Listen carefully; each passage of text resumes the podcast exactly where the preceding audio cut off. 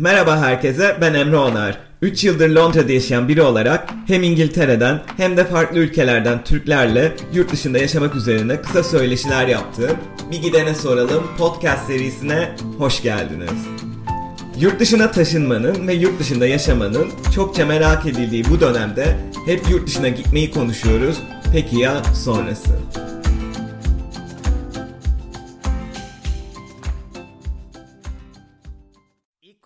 Damla Tezcan. Kendisini podcast yapmam konusunda beni en çok gaza getiren kişi olduğu için ilk konuğum olarak belirledim.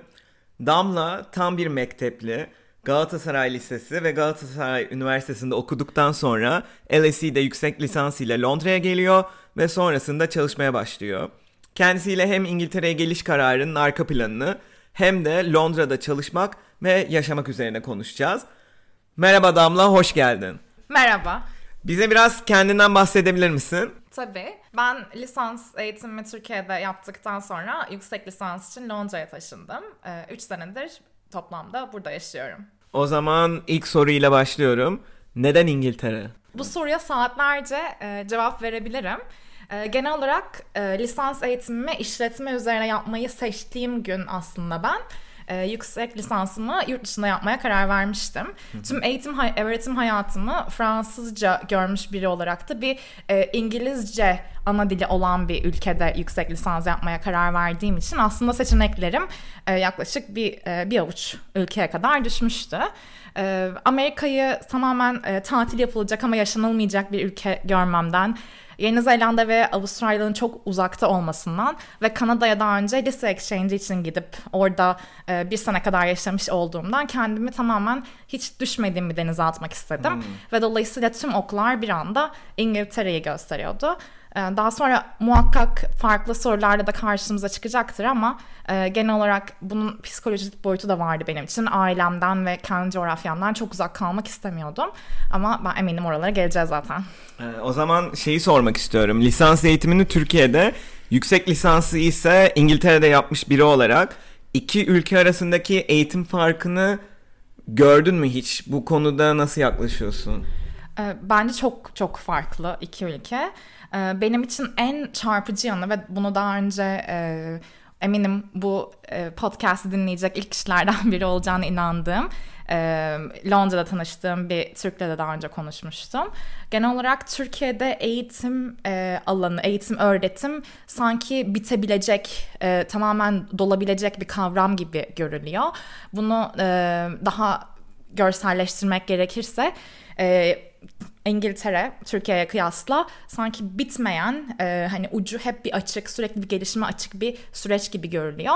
Bunun en e, bariz ör- örneğini e, notlama sisteminde görüyoruz. Burada eğitime başladığımda kısa sürede öğrendim ki distinction yani 70'in üzerinde alınan notlar e, çok inanılmaz notlar. 80'in üzerine çıkmak wow, 90'ın üzerine çıkıyorsan muhtemelen e, profesör falan olacaksın. O yolda ilerliyorsun. Çok basitleştirmek gerekirse bu süreci.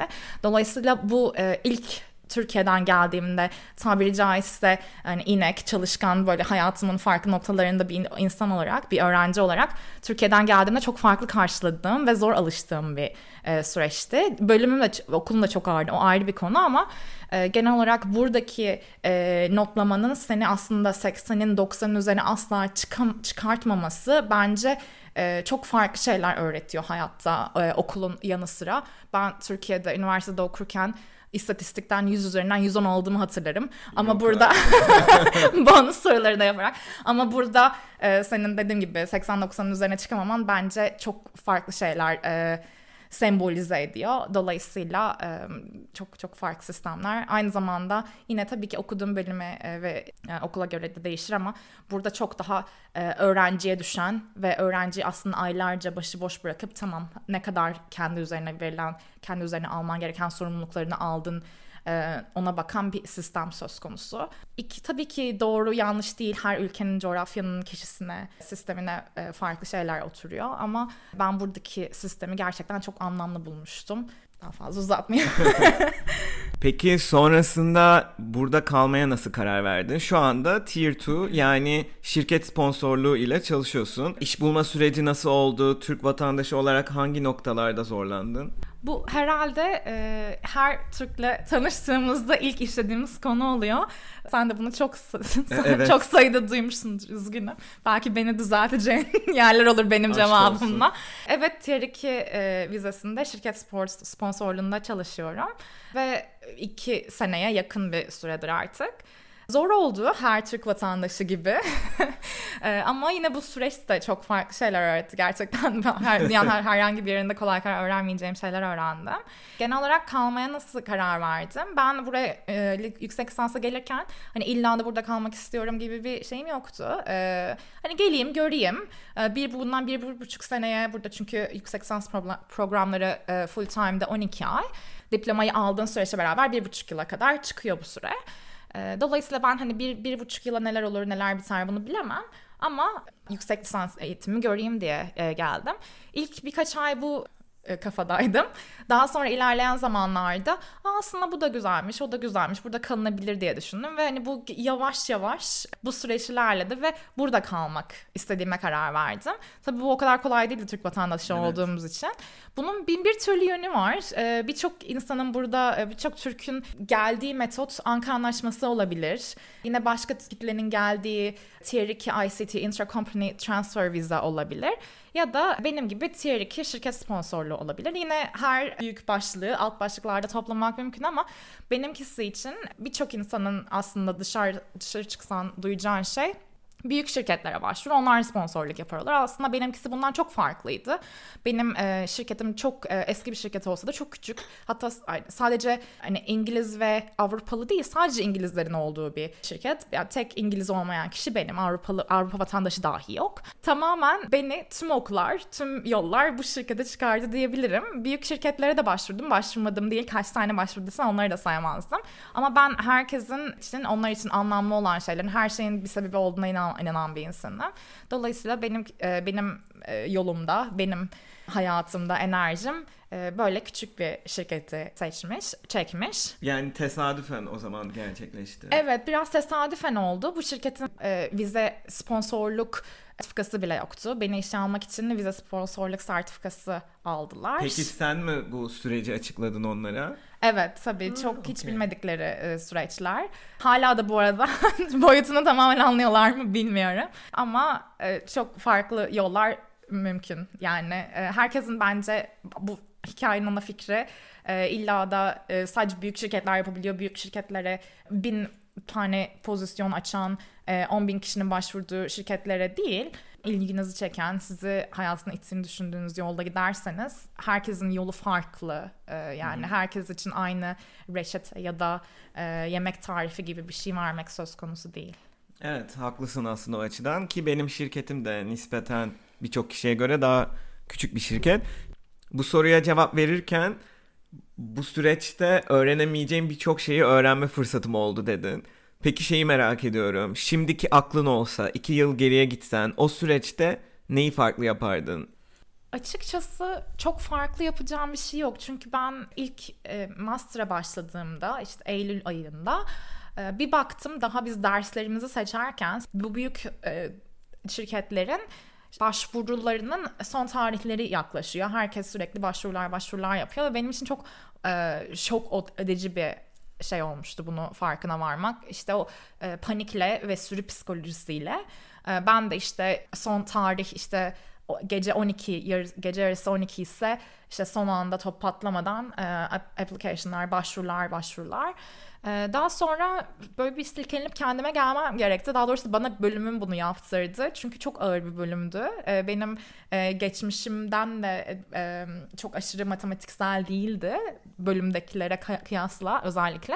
Dolayısıyla e, o böyle titreme anı geldikten sonra bana aslında önce bölümüme e, kanalize olmam gerektiğini ve daha sonra işimi halledeceğimi düşündüm. Dolayısıyla o farkındalığa varmam yaklaşık bir e, birkaç haftamı belki bir ayımı aldı ama o panik halini e, her şeyi bugün yapmam gereken gerekiyor panik halini attıktan sonra aslında ben gerçekten sürece bıraktım ve hmm Ağustos ayında benim hala işim yoktu. Daha sonra Ekim'de işe başladım ve daha önceden işleri kabul etmiş arkadaşlarımdan çıkanlar, girmeyenler vesaire oldu. Birazcık süreci bırakmak bence çok önemli. Her şeyde olduğu gibi için bu arada. Gerçekten e, ne olması gerekiyorsa oluyor. O anda belki olan şey seni üzüyor ya da anlam ifade etmiyor.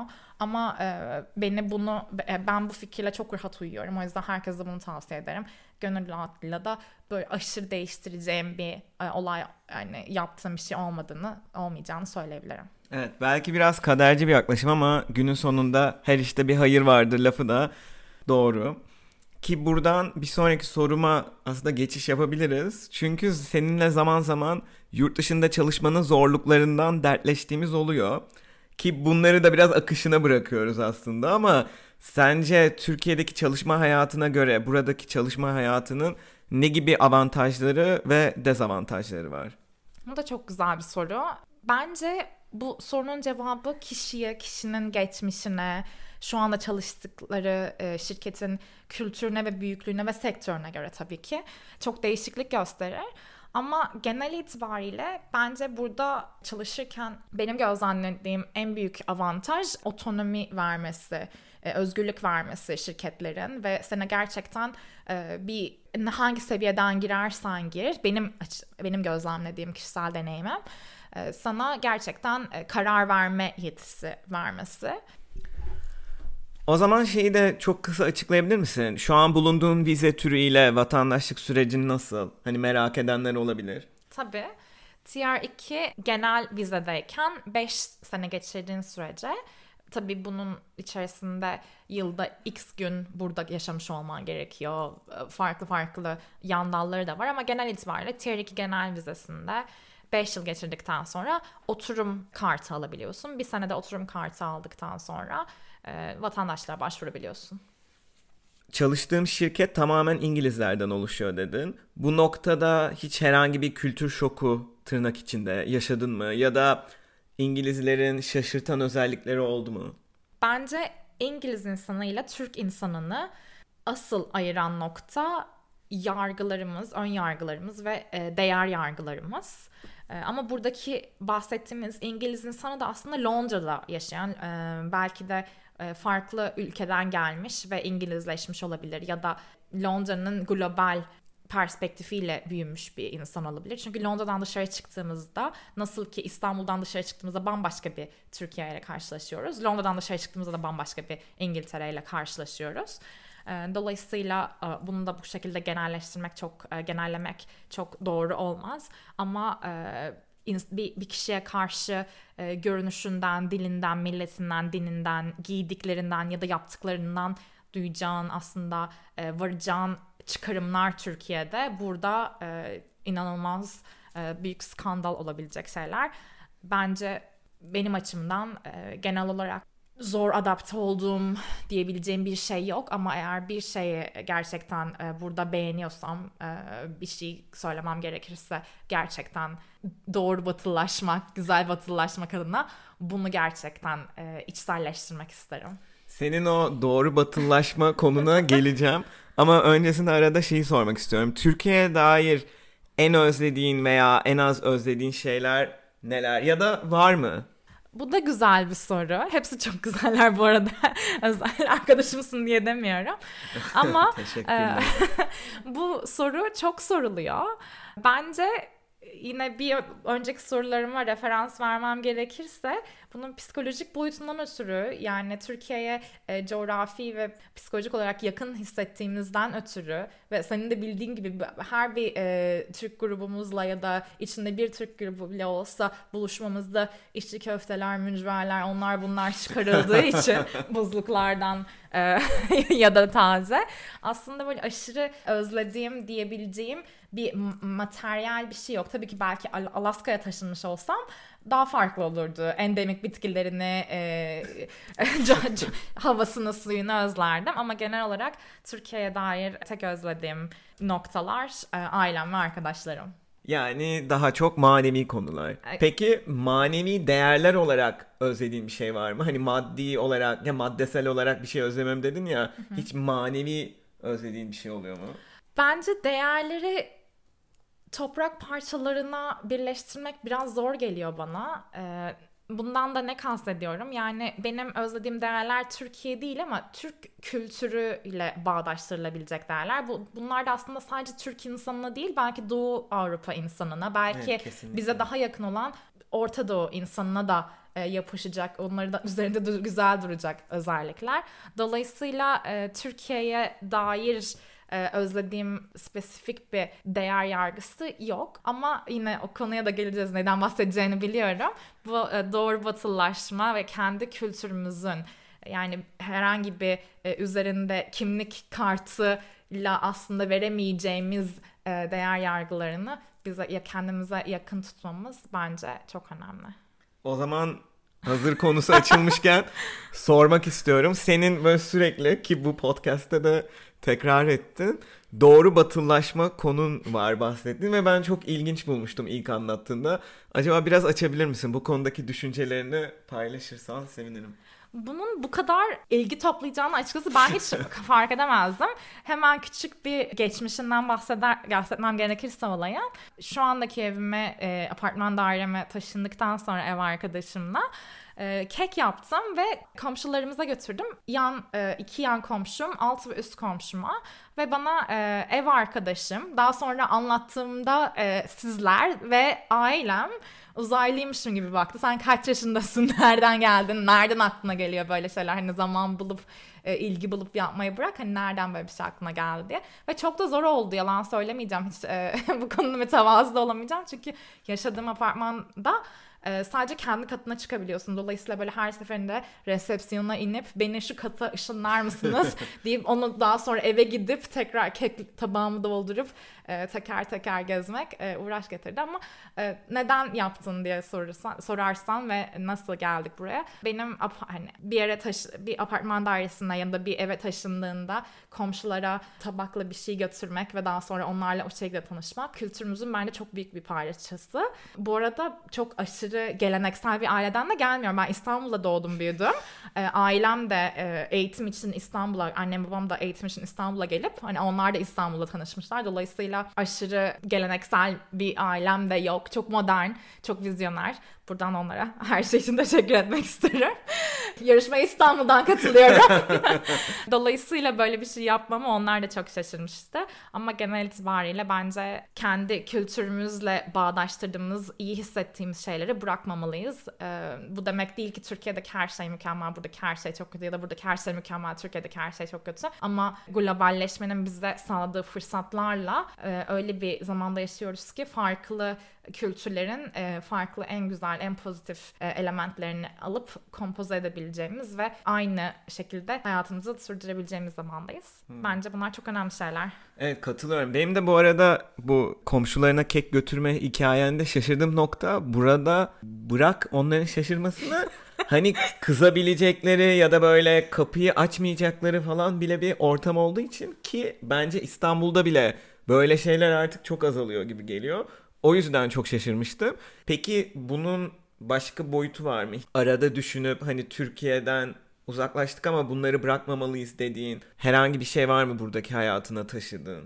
Türklerin her zaman övündüğü misafirperverlik. Gerçekten bu e, bir eve giderken mümkünse bir şey yapabiliyorsam yapıp götürmek. Eğer mümkün değilse küçük bir ev hediyesi götürmek. E, bunlar çok önemli şeyler. Yine bana gelecek biri olursa misafir ağırlamayı da çok severim. Yine iki elim kanda olsam yani stresten ölsem mücverleri yaparım hiç affetmem. çok da lezzetlidir. Teşekkürler. Benim festivalim olur. Bu arada bu kanalın adını koymak için beyin fırtınası yaptığımız sırada yine tırnak içinde gurbet konusu üzerinde bir ara bayağı kafa yormuştuk. Sence gurbetçi nedir? Sen kendini nasıl tanımlıyorsun? Ve şu noktada kendini Türkiye'ye ne kadar ait görüyorsun? Ben kendimi tek bir ülkeye hiçbir zaman ait görmedim. Bence bu bunu sessiz söyleyebildiğim ilk zaman gerçekten lisede exchange'e gittiğim zamandı. Kanada'ya bir sene gidip orada bir Kanadalı ailenin yanında kalıp onlara anne baba kız kardeş abi dedikten sonra özellikle. Dolayı döndükten sonra da her seferinde e, Kanadalı biriyle tanıştığımızda bir, bir şekilde Kanada Kanada ile alakalı bir şey denk geldiğinde hep böyle memleketim gibi bahsederdim. Oralıyım falan diye anlatırdım kendimi. Öyle hissederdim. Dolayısıyla Hani bu noktada Türkiye'ye %100 ait e, ait hissetmiyorum kendimi ama hiçbir yere aynı şekilde ait hissetmiyorum. Çok şanslıyım ki çok e, vizyoner bir aileye doğdum. Çok çok gezmiş, çok görmüş bir e, aileye aileyle büyüdüm. Dolayısıyla hiçbir zaman bir nokta benim evim diye düşünmedim. Bu sebepten ötürü de aslında gurbetçi gibi hissetmiyorum. Çünkü e, yine bizim elimizdeki kaynaklar sayesinde e, elimizdeki telefonlar olsun, uçaklar olsun, e, ve kendi aslında bakış açımız sayesinde hiçbir zaman e, kendimi olmak istediğim yerden çok uzak hissetmiyorum. E, ama tabii ki bunda sizlerin, e, sizin gibi çok derin e, arkadaşlıklar kurabildiğim insanların katkı payı çok çok fazla. Kesinlikle. O zaman bir noktada Türkiye'ye dönmeyi planlıyor musun? E, evet.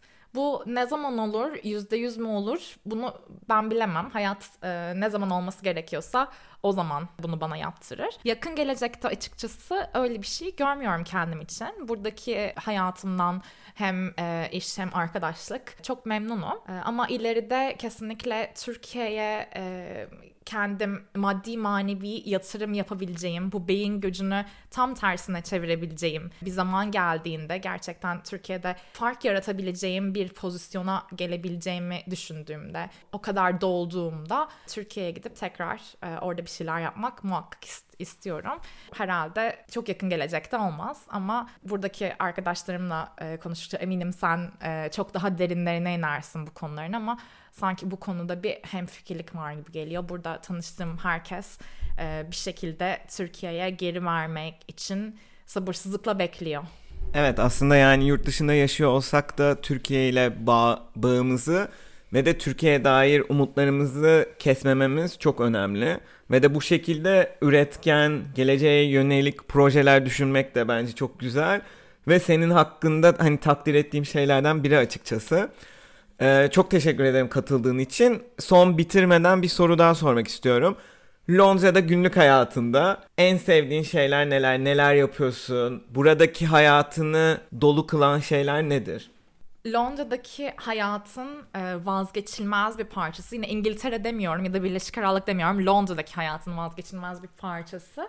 E, sağlıklı yaşam ve tamamen kendini geliştirmeye e, dayalı bir sistem. Bu çok farklı açılardan e, gelişebiliyor. Bir bir e, bir açısı, kişisel açısı e, insanların e, işlerine yürüyerek ya da bisikletle gitmesi böyle sabahtan e, bir başlamaya kalkarsak e, ben daha önce böyle kafama e, kafamdaki böyle yürüme limiti 20-25 dakika bir insanken şu anda işe 30 ila 35 dakika arasında yürüyerek gidiyorum ve bunu bana 2 sene önce söylemiş olsan kesinlikle buna inanamazdım.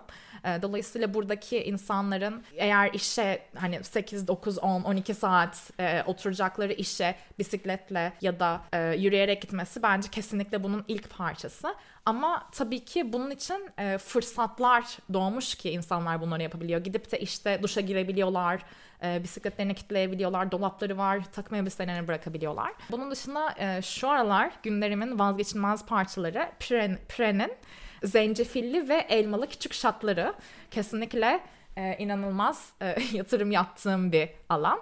Spor bunun yanında yine e, Londra'da olup da aynı Gülce'nin ve Ece'nin dediği gibi daha önce konuştum, bundan öncesinde konuştuğumuz gibi e, spor salonunda e, üyelik olmayan bir insanla karşılaşmak mümkün değil. Mümkün değil. E, daha önce ön yargılara ve yargılara, değer yargılarına değinmiştik. Spor yapıyorum. Özellikle spinning'e ve aerial dediğimiz havada anti-gravity sporlara ilgi duyuyorum. Bunlardan bir tanesi yoga, diğeri de direkt dansı. Ee, yine Türkiye'de olsa çok rahatlıkla e, sesli söyleyemeyeceğin ya da herkesin aynı şekilde bakmayacağı bir şey. Burada ben çalıştığım şirketin e, kurucu partnerlerine 60-70 yaşında insanlara çok rahat söyleyebiliyorum. Aa öyle mi diye gerçekten ciddi bir konuşmada sürdürebiliyoruz. Bununla bu Bununla ilgili bir konuşma Türkiye'de hangi boyutta gerçekleşir ve o insanların bana bakışı nasıl değişir ben hala bilmiyorum ki bizim Türkiye'miz yine Türkiye'de, Türkiye'de değil ee, İstanbul'un Türkiye'si ee, bizim yaşadığımız ortam ve çalışacağımız ortamlar İstanbul'da. Okey son olarak kendini geliştirmekten ve günlük yaşamdan bahsetmişken çok sıkı bir podcast dinleyicisi olduğunu biliyorum. Ya zaten beni bu podcast'e ikna eden insan oturuyor yanımda yani. Hiç tavsiye edebileceğin podcast var mı? Ee, ben Tim Ferriss'in çılgın bir fanıyım. Ee, beni de e, podcast'a bağlayan, bu sabahları yarım saatlik yürüyüşlerimde bana eşlik eden kişi kendisi Tim Ferriss.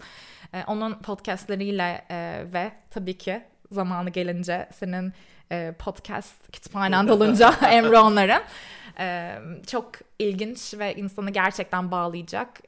kesinlikle özellikle işe giderken ve işten çıktıktan sonra yani tam bu araba kullanıyor olun gerek bisiklete gerek yürüyor olun ya da takside olun ya da metrobüste olun kesinlikle aşırı e, in, yani insanın yolda öğrenme becerisi olması bence inanılmaz bir şey. Ben e, çocukluğumu servislerde geçirmiş bir insan olarak şu anda yollarımı e, kitap dinleyerek ve podcast dinleyerek geçirebildiğim için aşırı şanslı hissediyorum. Kesinlikle bundan 10 yıl önce podcast ya da kitap dinlemeye başlamış olsam çok farklı yerlerde olabilirdim. Yine olduğum yerden mutluyum ama kesinlikle e, hayatın olmaz bir parçası ve bence e, İngiliz e, değil ben Londra kültürünün en güzel parçalarından bir tanesi. Evet kesinlikle. Gerçi Türkiye'de de hızla podcast artıyor ama burada böyle bir şey çok ana akım haline gelmesi durumu var.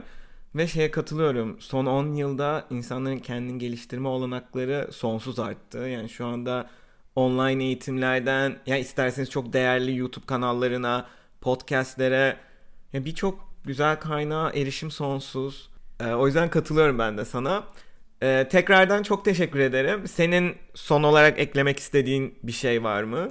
Ben teşekkür ederim. Çok onur duydum. Bu arada bu fikir benim değil, bu fikir senin de. Kesinlikle ben başkalarının hayalleriyle çok heyecanlanan bir insanım. Hani senden fazla heyecanlı olabilirim şu anda bu girişimin için. Çok mutlu mutluyum. Yanında birkaç fikir verebilmişsem, e, benim naçizane fikirlerimi e, kendine almayı e, uygun gördüysen kesinlikle tekrar belki panel olarak olsun ya da farklı konseptlerde konuğun olmayı çok çok isterim. Ben çok onur duydum. Çok teşekkür ederim.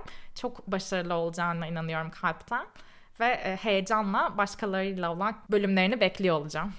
Ya çok teşekkür ederim. Hem heyecanımı paylaştığın için hem de heyecanımı çoğalttığın için. İnşallah o zaman yakında tekrar seni panel konularıyla konsepti geliştirirsek göreceğiz. Dinlediğiniz için çok teşekkürler. Farklı alanlardaki insanların hikayelerini dinlemek için takipte kalmaya devam edin. Ayrıca Instagram ve Twitter'da bir gidene soralım hesaplarını da takip edebilirsiniz. Hoşçakalın.